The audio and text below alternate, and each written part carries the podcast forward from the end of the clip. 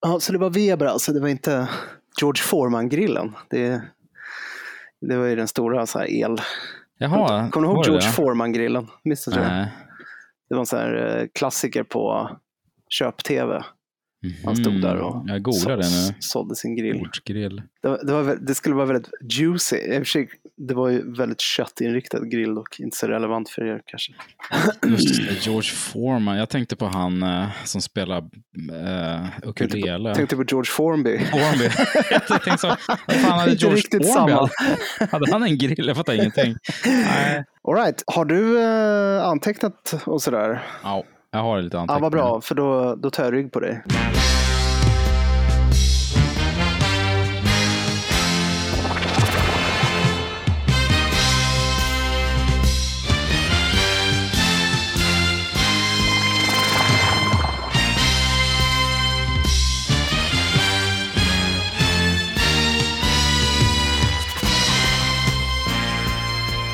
Lyssnar på Intresseklubben Antecknar, en podcast om film. Vi är era värdar, Jesper Viking och min gode vän.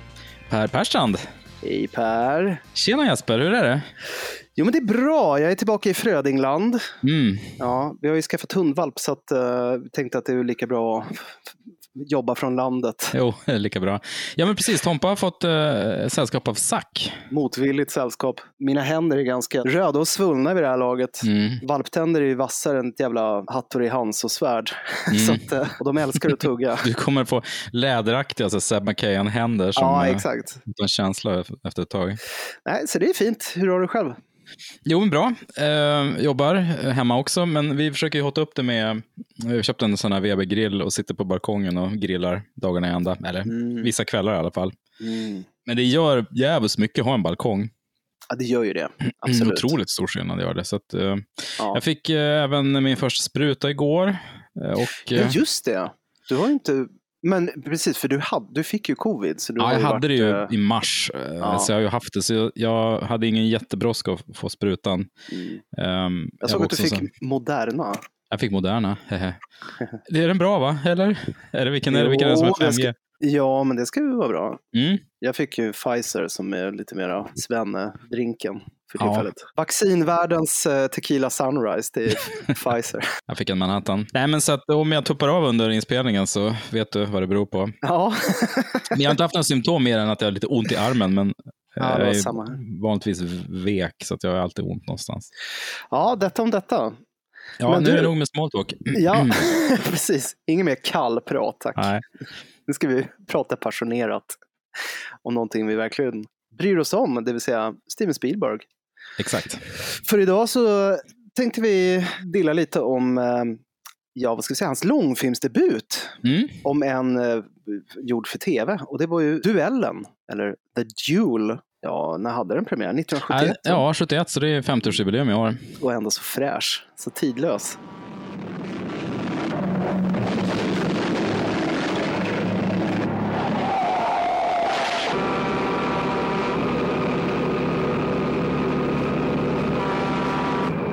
Okay. You want to play games?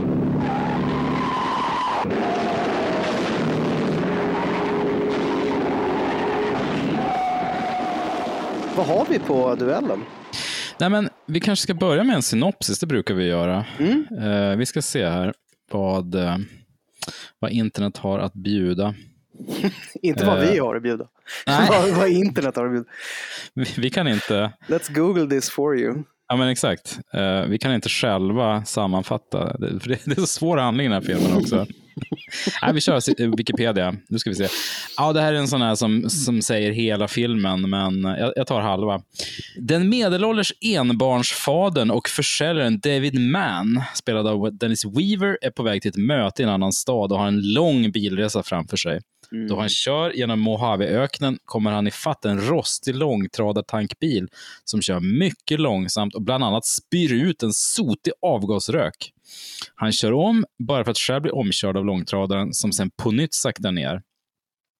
Efter detta eskalerar hela situationen och chauffören sätter Mans liv på spel med långtradaren. Där kan vi stanna. Mm.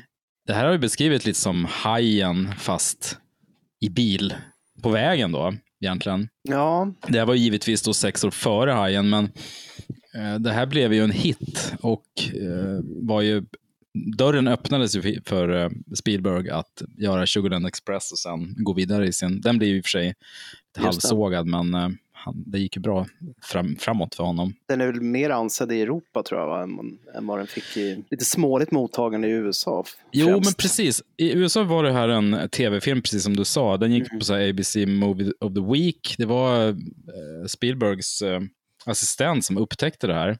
Och Det var ju en novell av Richard Matheson som vi ska återkomma till. Ja. Eh, och Spielberg fastnade för den här. Han, eh, han eh, liksom sålde in sig så han fick regissera det här. Han hade ju bara gjort eh, ett avsnitt av Columbo och så hade han gjort den här, vad heter den här thrillern han gjorde?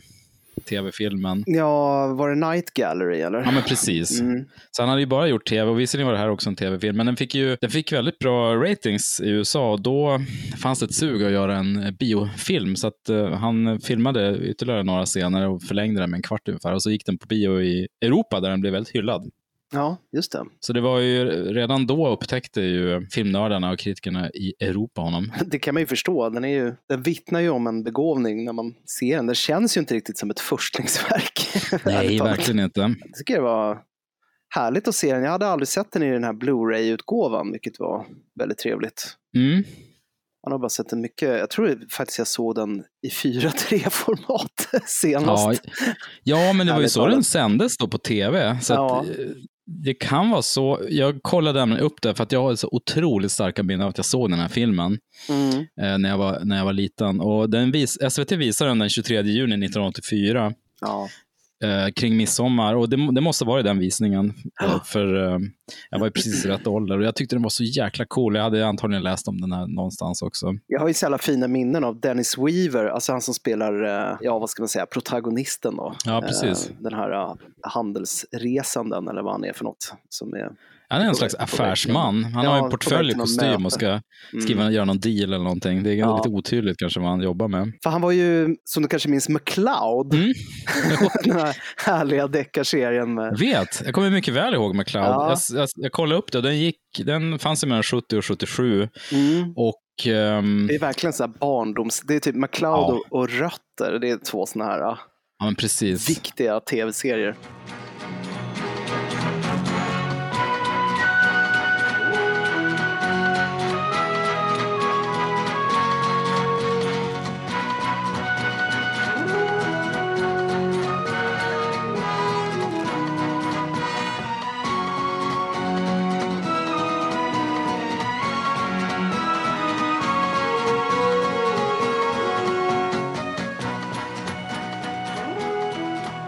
Men det, det var en ganska kul eh, tema på McCloud. Det var, det var ju någon sorts så här uh, Crocodile Dundee-upplägg. Mm. Att han var en fisk på torra land, så här cowboy i, i storstan. Som gärna Precis. red på häst i- på Manhattan och så där. Och hade sin hatt och fårskinnsjacka. Och... Crocodile Dundee 2, den tvåan som är ännu bättre Ja, än ettan. Men jag har supervaga minnen av McCloud. Jag minns bara att jag tyckte den var mysig och att den eh, kanske var lite som Rockford Files, att den Jo, var ganska var charmig. Och Samma svängiga ledmotiv också. Ja, men precis. Jag älskar de där uh, tidiga 70-tals, för alla såna här snutserier på 70-talet, de hade alltid såna här uh, förtexter i, uh, i Eurostyle Extended. Precis Ja. som i uh, 2001, du vet, de använder samma font där. Mm. Det var väldigt så här, karaktäristiskt för den eran. Liksom. Var det en snutserie då skulle det sätta sig i den fonten. Så det såg väldigt så här, cinematiskt ut. Jag tror till och med många, typ så här Don Siegel film för text på något sätt. Alltid den, den fonten. Det är en liten grej som jag tänker på. Jo, men jag vet. Du har bra koll på typsnitt. Som sig bör, eftersom Ja. jag är formgivare. Ja, exakt. Skam vore det annars. ja, verkligen. Med tjänstefel att inte kunna det. Nej, men jag bara kom att tänka på förtexten för att jag minns att det var, jag har alltid varit så höjdrädd, nämligen. Mm. Undrar om det var i vignetten eller om jag bara såg något avsnitt när han dinglar under någon helikopter. Det här är verkligen en, en side-note. Mm. Och jag kommer ihåg att jag tyckte det var så hemskt. Jag höll på att dåna. Att han liksom klamrar sig fast. Du vet som de alltid gör, så att helikopterstunts. Liksom. Precis, man hänger. Ja, över um, stadsbild. Ja, det, jag kommer ihåg att jag tyckte det var väldigt otäckt. Ja, men precis. Ja, men medan du snackar sitter jag faktiskt och letar upp introt på YouTube. Han, Ja, han rider ju på en eh, häst genom en gata i en storstad. Jaha, jo, jo men det var ju par for the course Mm, precis. Ja. Sen nu eh, hoppar han från ett fönster ner i en kabbad bil. Nu springer Ja. han på ett... Nu sitter, det här är bra Det är content. här Simon och Simon. Ja, det här är jättebra när du live-kommenterar ett YouTube-klipp. Det är så vi ska börja jobba med reaktionsvideos. Nej, men alltså, du måste se det här introt. Det ligger på YouTube. Eh, om du vågar. För att jag fick... Om jag törs. Ja, men, Mm. Exakt, för att, ja, nu stänger jag av. Jag vill att tittarna ska få googla Ja. själva. Tittarna, lyssnarna. Han, han springer på ett tak. Först springer han till ena sidan, tittar ner och så är det en skithögt uppe. Och så springer han till andra hållet, hänger sig fast med ena armbågen på en helikopter som lyfter och så hänger han där och tittar ner. Ja, gör, det var ju i eh, Ja, det var ju introt, alltså. jag fattar att det var otroligt minnesvärt Ja, och traumatiskt för dig, för det är ju läskigt. Otäckt. Det är liksom en mini-vertigo där. Ja. ja, det var McCloud ja. Så det Nej, var så ju jag minns när jag såg den här som barn så gick jag Ja, men då gick man in med en positiv känsla. Åh, det, åh wow, det här är en cool rysare. Men McLeod, han är härlig, han är mysig. Det som är imponerande nu, Gud, vad tyst det blev, jag trodde jag hade tappat Ja, connection. nej, han, hade, han är inte så, ma- han är inte så det macho. frä- Hör du mig? Nej. Hörs jag? jag hör dig, vi är bara Ja. helt, Hörs? vi bara Hallå? helt osynkade. Ja. Sluta nu. Lägg av. Det är som att det är- första gången vi spelar in podd. Jag pratar i munnen på dig hela tiden. Hallå? Jag måste fan ta det lugnt. Spelar du in nu? Har, vi börjat? Spelar du in nu? Är du där? Ja, men, nu sluta. Ångest. Ja, förlåt. Men det, jag- det jag tänkte säga var att um, anledningen till att Spielberg, fast han var, han var ju ung och grön, och han var ju lovande, men han hade ingen clout som det heter på svenska. Men Nej. han fick vara med i castingen och när de föreslog eh, Dennis Weaver så gick, blev han eld och lågor och det var ju inte för McCloud utan det var för att eh, han har en biroll i Touch of Evil av... eh, Orson Welles ja. Ja, men exakt. Den, den klassikern. Ja, det var länge sedan jag såg den faktiskt. Ja, han spelar en ganska ynklig typ och det var liksom hans nervositet och panik som gjorde att eh, Spielberg ville ha honom. För han, han såg framför sig att det här är mer andra halvan av filmen när det eskalerar och han är mer med panikslagen. Att Dennis Weaver skulle vara perfekt i den rollen. Och han är ju Mm. väldigt bra som liksom en everyman sådär. ja, han är bra på att vara nervig. Jo, han är ju det. Ja, nej, men det är ju väldigt uh, suggestivt i öppningen där när um, de kör en sån här uh, Ghost Train Mm. shot när han åker ut i sitt garage Ja. och ut på motorvägen. Det är väldigt fint. Bara det måste ju ha varit väldigt säreget då, känns Mm. som. Att man inte hade sett lite väldigt så här, uh, Jag vet. Det är Elegant jävligt effektivt. Och, och det slår ju an tonen direkt att vi befinner oss ju i stort sett i bilen, eller väldigt nära Dennis Weaver hela filmen. Mm. Så man är, man är instängd tillsammans med honom. Men den scenen med kameran på kofångaren, den, den var ju f- spelades in efteråt för att lägga på den här bioversionen av det. Det är fyra scener, jag vet inte om vi ska gå in på det, men det är fyra scener som är tillagda och, jag tycker några av dem är, är jättebra och någon kanske lite onödig, men den är ju tajtare i sin Ursprungsfilmen finns på YouTube fast 480p ser ganska kast ut. Så att, eh, och då är den ju 4.3 också. 480p? Är det Ja, så? Jag tror inte ens 720p Oj. utan det ser ser- ganska risigt Det ut. ser knappt bra ut på en mobiltelefon. Nej, tror. exakt. Så att jag tycker ni ska se den här på riktigt. Jag såg den på iTunes och då, då, då är det ju bioversionen men Mm. den ser ju jävligt fin ut. Men den är ju, eh, jag kan ju förstå att tankarna går till Hajen då såklart eftersom han har gjort den Jo. också. Men jag skulle nog hävda att den har väl kanske mer gemensamt med en film som Liftaren eh, Mm. än Hajen egentligen. Att det är en sån katt och råtta-lek Mm. där någon bara genom någon sorts ödets nyck blir utsatt eller terroriserad av, av en så här, ja, men nästan som en naturkraft.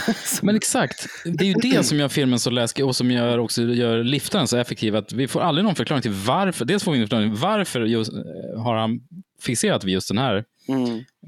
mannen då? Och, Ja. och vem är han? Det får man inte heller veta. Så det blir ju väldigt otäckt bara den här. Man ser ju förarens arm och man ser honom gå ur bilen. Man ser att han har bruna cowboyboots och jeans på sig. ja, Annars får man aldrig se honom och det är ju det, är ju det som är läskigast av allt. ja, verkligen. Långtradaren är en slags hämndängel, eller inte en ängel utan en, någon slags on, ondskefullt väsen. Man kan ju förstå kritiker som då läste in någon sorts här klasskamp eh, Mm. i det här.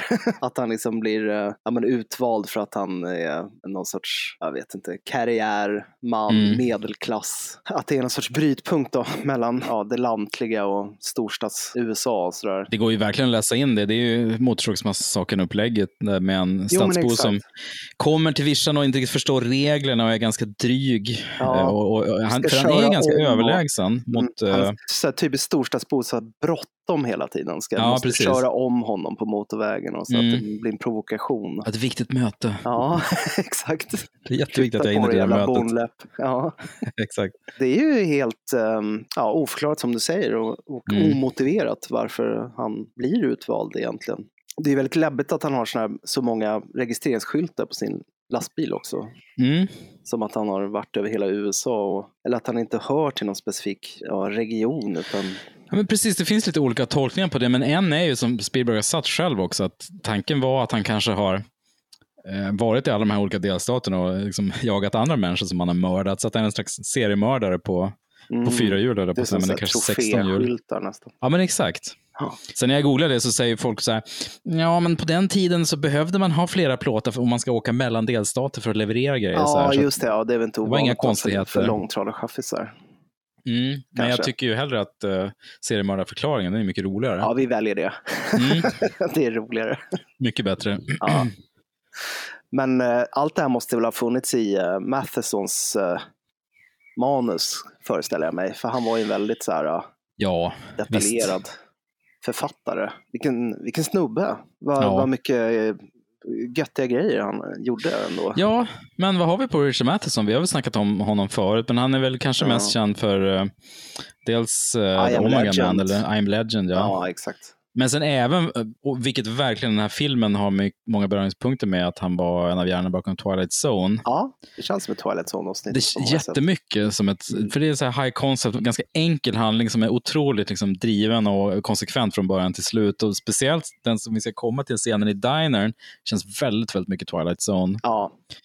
Och inte minst, och, eh, apropå kaféscenen där, eller dinerscenen, är ju just det här med voice-overn. För det är Mm. typ det enda egentligen i filmen skulle jag hävda som påminner en om att det här var en tv-produktion från Ja. början. Det är klart att det förekommer voice-over i film också, men det, men på, det bara ger en starkare tv-känsla. Det gör ju det. Ja. Lite sådär att man måste förklara för, för tittarna. Ja, för man har med. inte en och en halv timme på sig, utan det är Nej. som 70 minuter. In, vad heter det? Internal, internaliseringen? Inter- Eternal, äh, inter...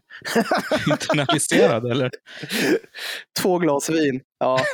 Så, ehm, så Inre monolog kan man väl säga. inre monologen Mm. eh, kan inte gestaltas riktigt på den tiden, utan man måste få man bara läsa liksom, repliker eller manusreplikerna Mm. och sen lägga det ovanpå. Nej, men Men det, så- det här är många... Äh, äh, äh, säg du. Hallå, hörs jag? Men som jag förstått det så läste han väl in, alltså Weaver läste in de här eh, internmonologerna, så spelade de upp det på plats va? Mm. För att han skulle få um, kunna reagera på sina egna repliker. Och Ja, liksom, men så var det. På morgonen innan de började spela in, då, då spelade de in det och så spelade de upp det på set då, så att han he, hela tiden kunde anpassa sitt spel efter pratet. Och det var ju det genialiskt. Mm. Alltså det här är många, många stycken en perfekt film, men om jag fick klippa bort lite så skulle jag ju ta bort, kanske inte alla interna monologer, men det är några som är så ruggigt övertydliga när han är så här, går in på toan och tvättar sig, åh, snart är allt över. Det blir Ja. för mycket bara. Det blir nästan lite töntigt. Men det har ju sin charm också. Ja. Och jag som älskar voiceover borde ju inte klaga. Egentligen. Nej, precis. Du föredrar väl Blade Runner med Ja, jag gör fan det.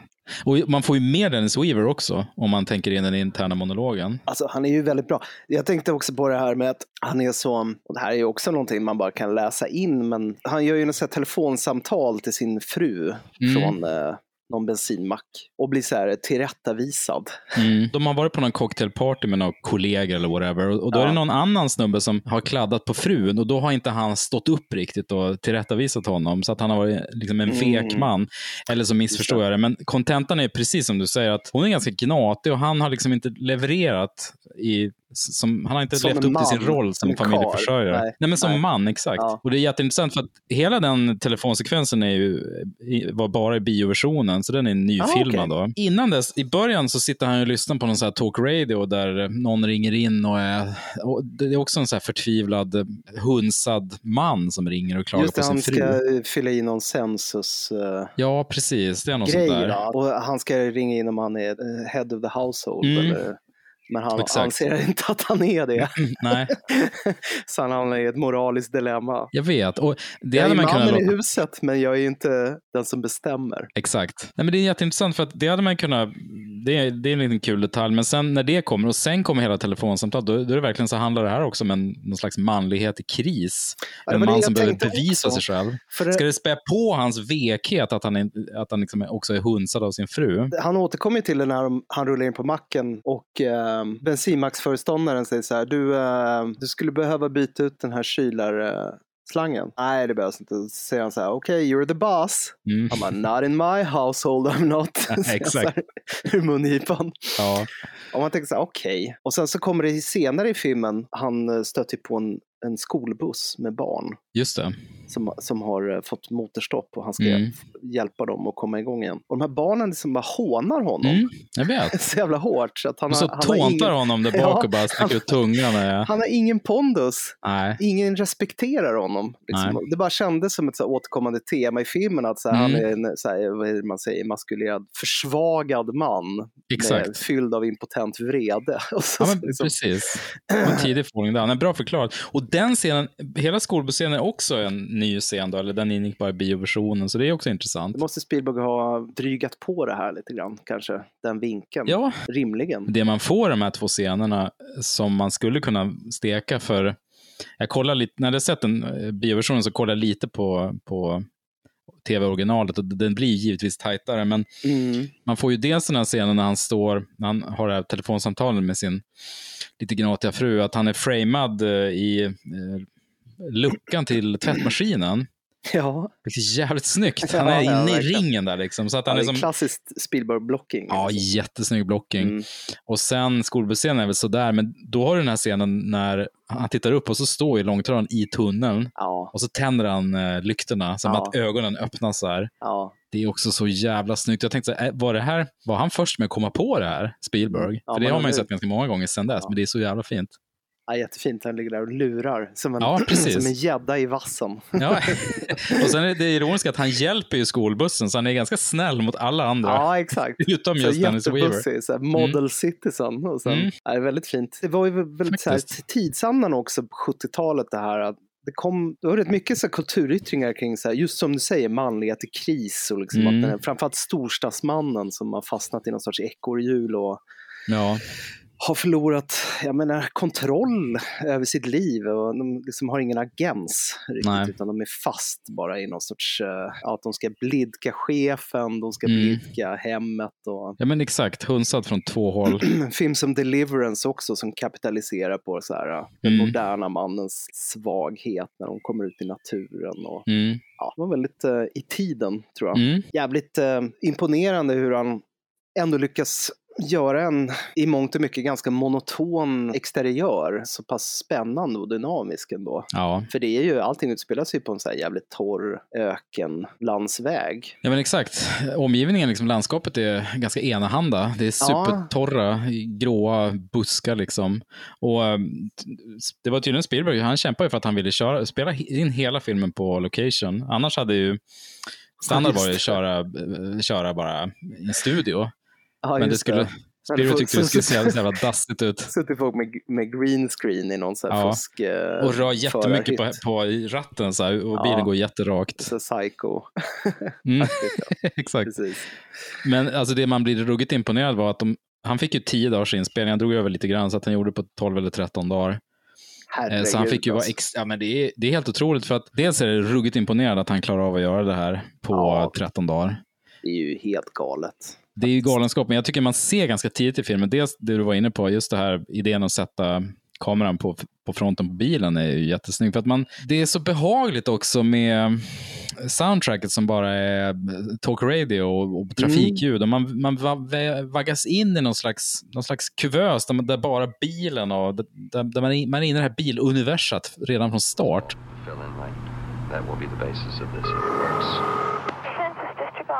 Would like some information. I'm filling out my uh, census form uh, right now, and I have an awful problem. And I was wondering, can somebody help me? Uh, Go ahead. thank. Oh, uh, oh you're going to ans- answer my question? Yes. Oh, good. Well, first of all, I just want to say um, I don't mind being counted as an American. I'm one of the silent majority, but I wish you had made some of those questions multiple choice. Now, the question was, um, Men sen, ganska tidigt i filmen, så kommer ju en jättesnygg åkning som jag antar är gjord liksom, från en följebil som glider. Liksom. Den börjar bakom huvudet på Weaver, tror jag, och sen går det längs hela hans bil. Och sen är, ligger trucken framför och så går den till fronten på trucken och det är skitsnyggt gjort. Och då tänker man så här, fan, han var, Spielberg var ju så här 24-25, men han hade en sån otroligt öga för bildkomposition redan då. Så att det är ganska tydligt, det, det, det är därför filmen är så jävla bra, för att man ser att det är en mästerblockare, mästerkompositör som, som jobbar med den. Ja, sannerligen. Han tänker ju så jävla visuellt. Det... Ja, för det intressanta är att, det, precis som du säger, det är ett skitbra manus av Matheson, men en, mer en sån här bruksregissör hade ju spelat in i studio och det hade ju antagligen inte alls blivit samma samma grej eftersom han inte haft de här bilderna. Att de fick plats i den där lilla bilen, för det är så jävla mycket close-ups på Ja. Weavers face och hans Det det. es- eskalerande panik. Och man tänker så här, hur fixar de de här bilderna? Ja, men han De hade ju flera kameror, som dels fasta kameror monterade i bilen, sen satt han ju själv i vissa scener och filmade liksom från baksätet. Ja, kameran på, på, liksom på motorhuven. Och han berättar i någon sån här making som finns på YouTube också att han satte kameror längs vägrenen och körde förbi, körde jakt och sen bytte han sida på dem och satt på andra sidan så körde de förbi igen och så kunde han varva de två bilderna. För på ena Ja, sidan var det himmel det. och på den andra var det bergssida och då det. det var väldigt smart tänkt för att då kan han återanvända bilder. För det, precis som vi var inne på, landskapet ser ju likadant ut hela tiden i princip. Ja. Jo, Särskilt men på slutet när det blir berg och så här. Så att, jo, men det är verkligen eh, intressant hur man lyckas eh, göra i mångt och mycket. Jag menar, för det är ju, allt, det är ju en hetsjakt i en och en halv timme. ja, det är ju det. Och, ehm, och ändå så är man hela tiden, blir aldrig riktigt uttråkad. Jag kommer att tänka på, ehm, det är lite samma bedrift som Sam Raimi gjorde i eh, The Quick and the Dead. När han hade så här, okej, men jag måste, jag, det, det, det genomförs ungefär 15 eh, dueller i, Mm. den här, Just det. i den här storyn. Hur kan jag göra varje duell liksom distinkt eller intressant från, i, i relation till de andra? Och han lyckades med det också. Så Bara med hjälp av liksom olika ja, men kameravinklar och klippning. Och det är också en så här masterclass i Mm. variationer på tema. Liksom. För att återgå till den här eh, diner-scenen. Mm. Och vid det här laget så har han ju insett att han är utsatt för mordförsök. Mm. Det är så jävla obehagligt eh, när den insikten sjunker in. Jag tror det är när den här uh, lastbilschauffören ska vinka förbi honom Mm. och han kör ut i uh, Precis, och Anders kör får och då kommer en bil. då. Ja, Ja. det är så jävla Då är det så uppenbart. Ja, men jag ville Ja. att du skulle frontalkrocka med den här bilen. Så att, eh, Det är så obehagligt. ja, det är ganska diaboliskt. Ja, kör om, det är lugnt, så, här, så kommer en bil från andra sidan. Det fick jag lära mig på körskolan, att det var dålig stil i alla fall. Ja, det är inte okej som Stefan Löfven hade sagt. Och när han väl kommer till den här dinern och, och bara måste varva ner lite grann och Mm. samla tankarna. Och så, så helt plötsligt så ser han en långtradare stå parkerad utanför och han fattar att okej, han måste vara här inne nu. Mm. Snacka om Hitchcock och Mars, hela det upplägget. Ja. Det är ju verkligen, eh, liksom alla är misstänkta helt plötsligt. Ja, Nej, men den är ju precis, förutom Twilight Zone så är den ju ruggigt Hitchcock-influerad också. Att den är så, um, ja, men så ren, så att, att han verkligen bygger upp stämning Mm. med, med alla möjliga medel. Och jag tycker också, här är den interna monologen ganska kul. Han föreställer att han ska gå fram till dem och snacka med dem. Så här, Ursäkta, kan vi lägga ner? Det är jättekul.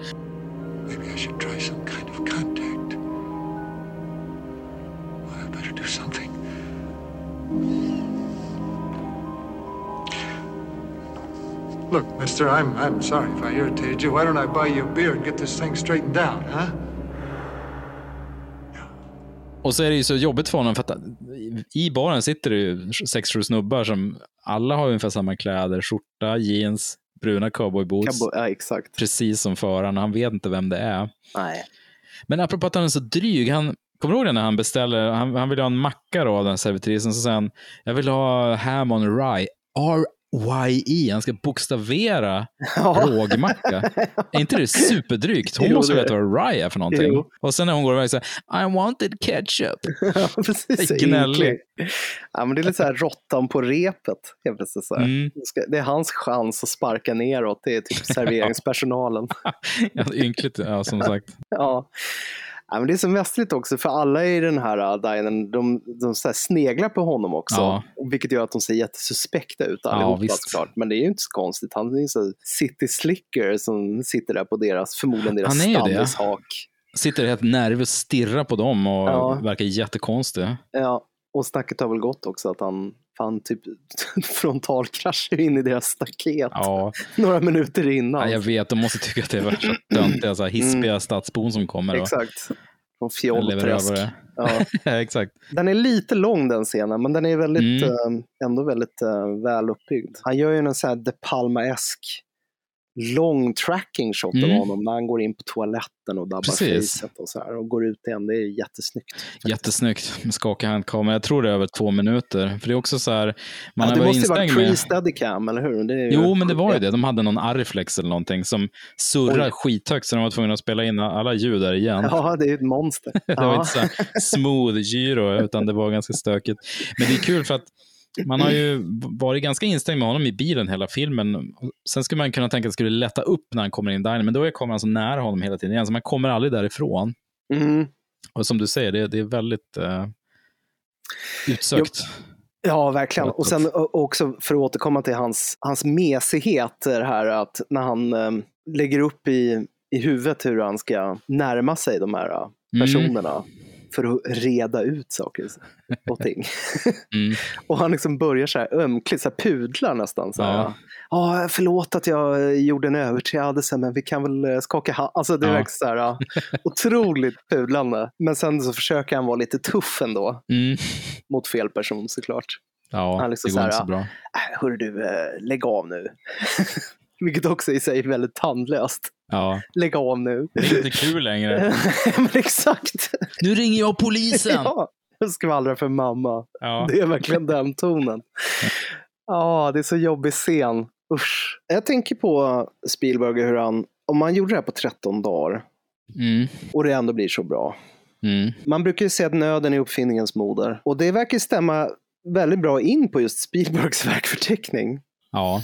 För det känns lite som att alla produktioner han har gjort som har varit så här outstanding, de har alltid varit lite problemartade på något sätt. Mm. Antingen pressat tidsschema eller att de är över budget eller, eller att Ja, men det har du fan rätt i. Hajen är ju praktexemplet på det med strulande. Jo men verkligen, och jag menar även typ Närkontakt och um, Indiana Jones. Alltså det var Mm. ganska stökiga produktioner åtminstone. Alltså det har varit mycket turbulens. Så um, Ja, Indiana Jones fick väl alla magsjuka eller Ja, dysenteri visst. där under inspelningen. Det var jättemycket on location problem och så, där. så Mm. att jag, jag tror att han nästan blir, vinner på att få motsättningar. Mm. Att det är då hans kreativa förmåga blomstrar extra mycket. För när, nu, och det menar, nu på senare dagar när han, nu har han ju alltid i världen att göra precis som han vill och då blir det ju, jag ska inte säga att det blir dåligt, men det har ju aldrig samma gnista som hans Nej, nej, men det stämmer ju. Det Tidigare mer filmer. som Ready Player One där liksom allt var serverat på fat i princip. Ja. Han hade carte blanche. Så det blir så platt. Ja, Jag satt och, precis satt och tänkte på den. Den är, Mm. det är nå- den är så livlös på något sätt. Ja, det är det verkligen. Museal på något sätt. Mm. Ja, jag tyckte ju boken var fenomenal. Och jag kände när jag läste den så att den, den här är skriven för mig verkligen. Jag är precis rätt ålder, samma referensramar. Men du, alltså Ready Player One, den är från 2011. Den är tio år gammal nu. Ja, What? det är sjukt. Det är sjukt. Det är ju stört faktiskt att det är så Det är länge sedan. Det gick fort. Vad rubbat. När kom Night Film? En annan eh, bok som vi båda har. Och Marisha uppskattat. Pessel. Åh, Mm. gud så bra. Den kom 2000, nu gissar jag, 2015 gissar jag på. Mm. Den kom eh, 2013. Ja. Ja, shit. Eh, Allting är äldre än man tror. Ja, det är nästan tio år sedan den också. ja. Den måste vi nästan återkomma till. Den, eh, för vi har ju haft som programidé att göra så här böcker som borde filmatiseras. Ja, men precis. Det är ju en perfekt exempel. Hon har inte skrivit något mer sedan dess, eller? Jo, hon har gjort en bok efter det. Ja, Men det den, har eh, hon. men- Neverworld Wake, Ja, exakt. Precis. Men den var också så väldigt multimedia-fokuserad, om jag minns Mm. rätt. Det var mycket så här, ja, Ja, det var ju det i Nightfilm också, att man skulle Mm. gå in på någon sajt och ja exakt. sånt där får jag bara ångest av. Orka. Skanna QR-koden så Ja, yes. Jag vill Fuck inte det. off. Jag vill läsa boken. Gud, jag blir sugen på att läsa om Nightfilm nu. Jag vet, jag med. Jag tänkte det skulle bli, av kanske bli ett sommarprojekt att göra Mm. det. Tillbaka till duellen. Vad har vi, Mm. vad har vi mer? Vad, vad hände sen? Nej, men det är ju en jättefin och spännande scen när han kommer till den här, till den här äh, excentriska kvinnan som har ett, så här, terrarier ute på gården med ormar och spindlar och sådär. Ja, just Det det. Är ju föregångare till Indiana Jones också. Ja, Han Ormar är hans hang-up. Ja, men exakt. Ja, det är inte tillräckligt läs- läskigt med den här trucken. Vi ska ha lite ormar och spindlar också. Men det är en skitsnygg scen där, där Dennis Weaver står i en... eh, Telefonhytt. Exakt, och han ska ringa polisen då. Men eh, han kommer aldrig så långt för att då kommer trucken farande. Och det är Det ju är så jävla otäckt. det är jättesnyggt filmat. Det är väl eh, linser och vinklar de jobbar med. Men det ser verkligen ut som att trucken är väldigt nära honom när han, när han hoppar Ja. ut. Och det var ju tydligen ingen... Det var ingen trickfilm, eller förutom att det var lite jobba med perspektiv och sådär. Men det var han i, i, i kiosken och han hoppade ut vid given signal. För det, det är ju en rätt spännande scen. Apropå det, fantastiska st- stuntförare i Mm. den här filmen. Både, alltså, jag tänker, den här långtradaren gör ju eh, manövrar som verkligen kräver ett S bakom Ja, ratten. visst. Ehm, och även personbilsföraren, för jag antar att Dennis Weaver inte gjorde allt. Nej, han gjorde en del, men han gjorde inte alls. Mm. De hade ju en stuntman i bilen och en i långtradaren. Det är riktigt uh, mästerliga bilstunts faktiskt. Mm, ruggigt bra. Ja, det är precis när han eh, ska anmäla honom till polisen. Ja, Ja, som, eh, precis. som att han har en telepatisk förmåga den här Jo, han har ju det. Såg honom gå in i. Men också, var, var var han när, när Dennis Weaver var på Chucks Café och satt där och antastade helt oskyldiga yokels? Ja. Då, då var ju truckföraren var ju någonstans i närheten. För han hoppade in i trucken Ja. och körde iväg sen. Det undrar man Jag ju tänker lite. att han kanske bara gick och inspekterade hans bil. Kanske ville Ja, kan han ha gjort. ta någon liten trofé eller kolla om han lämnar sin plånbok. där. Någonting Mm, sådär. mm. För när han kommer tillbaka till sin bil då står ju dörren öppen. Jag minns inte om han lämnade den öppen när han Ah, det gick. tänkte jag på. Men jag tänkte så här, shit, gick han därifrån med lämnade bilen öppen? Det kanske man gjorde på 70-talet i och för sig. Det var ju ingen risk att Kanske. någon snodde. Han var lite omskakad också när han hade kört in Ja, i exakt. staketet. Han var ganska yr. Det är väldigt fina så här, uh, locals i den här filmen Mm. generellt också. Alla ser ju väldigt så här uh, Arkansas boomiga ut. Så här. Väldigt bra casting. Vi pratar om det ibland, att regissörer, det finns regissörer som har bra känsla för face. Mm. Sådär, att man gärna tar in folk med intressanta utseenden. Det tycker jag Spielberg är duktig på också. Så Mm. Han lyckas hitta de här, och framförallt sådana här mellanvästernamerikaner ser ut som Mm. så Norman Rockwell-figurer allihopa. Ja, men verkligen. Det här äldre paret som han stötte på, tydligen använder han ju dem i närkontakt av tredje graden också. De, är, de fega.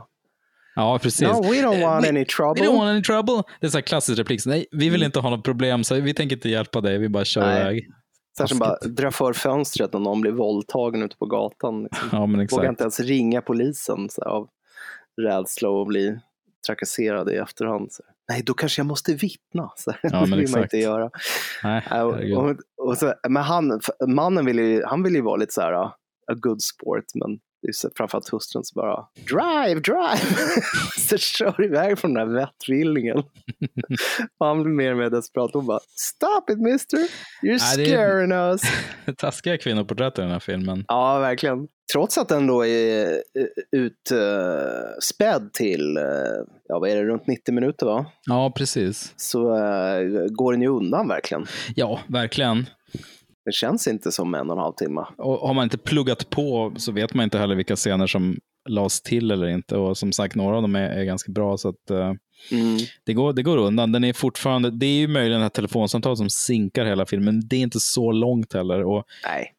han är framad så att han hela tiden står och man ser trucken i bakgrunden också, tror jag, i den scenen. Så att man blir hela tiden påminn om vad filmen handlar om. det övergripande hotet. Jo, det finns alltid där. ja, den är ju nästan övernaturlig, den här långtradaren. Ja, men den är ju det. Fint också, jag vet inte om du hörde den här, uh, spoilar vi om vi pratar om slutet? Den är ändå från 71. jag vet inte. Ja, jag vet inte riktigt.